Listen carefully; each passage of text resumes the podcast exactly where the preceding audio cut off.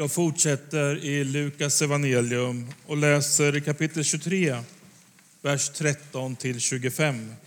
Lukas 23, 13 till 25.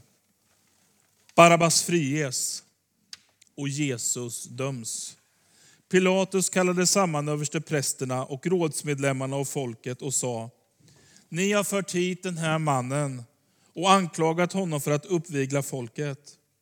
Jag har nu förhört honom i er närvaro, men kan inte finna honom skyldig till något av det som ni anklagar honom för. Det kan inte Herodes heller, och därför har han skickat tillbaka honom till oss. Han har inte gjort något som förtjänar döden. Jag ska ge honom en läxa, sedan släpper jag honom. Då skrek hela hopen. Döda honom och låt oss få Barabbas fri. Det var en man som hade satts i fängelse för ett upplopp i staden och för mord. Pilatus tog till orda. Han ville gärna frige Jesus, men då ropade de i ett. Korsfäst, korsfäst honom. För tredje gången sa Pilatus, vad han gjort för ont? Jag kan inte finna honom skyldig till något som förtjänar döden. Jag ska ge honom en läxa, sedan släpper jag honom. Men de skrek hela tiden och krävde att han skulle korsfästas. Deras ropande gjorde verkan och Pilatus beslöt att låta dem få vad de krävde. Han frigav mannen som satt i fängelse för upplopp och mord, den som de ville ha fri. Men Jesus utlämnade han så att de fick göra som de ville. Tillbaka till filmerna och pjäserna. Även små karaktärer kan ha stor betydelse för händelseförloppet i en berättelse. Här har vi en sån person, Barabbas. Vad vet vi om Barabbas? Ja, han var fängslad för sin del i ett våldsamt upplopp. Och det står också att han var en mördare. Precis då som nu finns det politisk och social frustration. Det var som att det var en krutdurk bland människorna som lätt kunde antändas. Det var starka makter i rörelse i Jerusalem. Maktens män fruktade ständigt för terror, upprop och oroligheter. Poängen med berättelsen om Barnabas är ju att han var verkligen skyldig till det han satt inne för. Medan Jesus är oskyldig och anklagelserna om uppror väger lätt.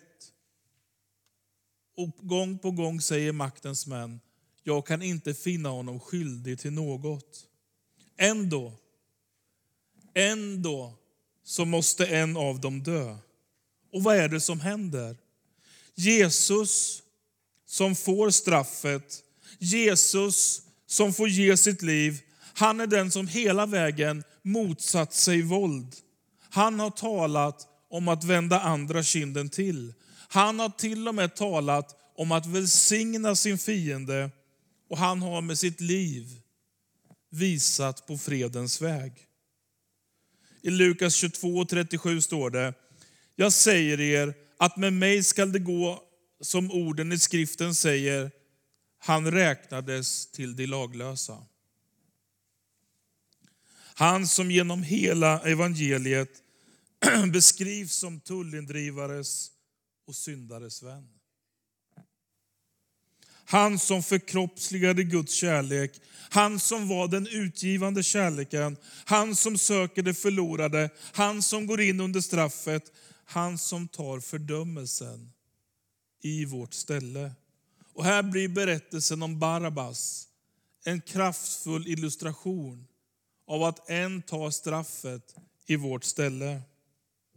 Berättelsen visar tydligt att i och genom Jesus och hans död på korset så är alla syndare, alla upprorsmakare, hela mänskligheten, även du och jag, är inbjudna till Guds hjärta Guds hjärta som brast på korset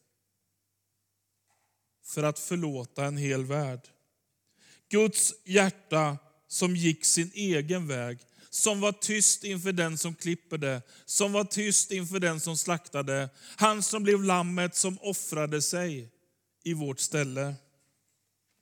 En måste dö, en måste ta straffet för att liv ska kunna pulsera in i vår trasiga och sjuka värld. Vi kan i Barabbas se vårt eget liv, se vårt eget uppror och se hur någon annan gått in i vår situation och tagit straffet för oss. Roland Utbult sjunger i en sång, jag skulle stå där på de anklagades plats. Jag skulle tyngas ner av all skuld och skam. Jag skulle inte få förlåtelse någonstans om det inte vore för att Jesus fanns. Jag är frikänd, han tog straffet på sig. Jag är frikänd, han blev slagen för mig. Jag är fri nu och så känner jag mig.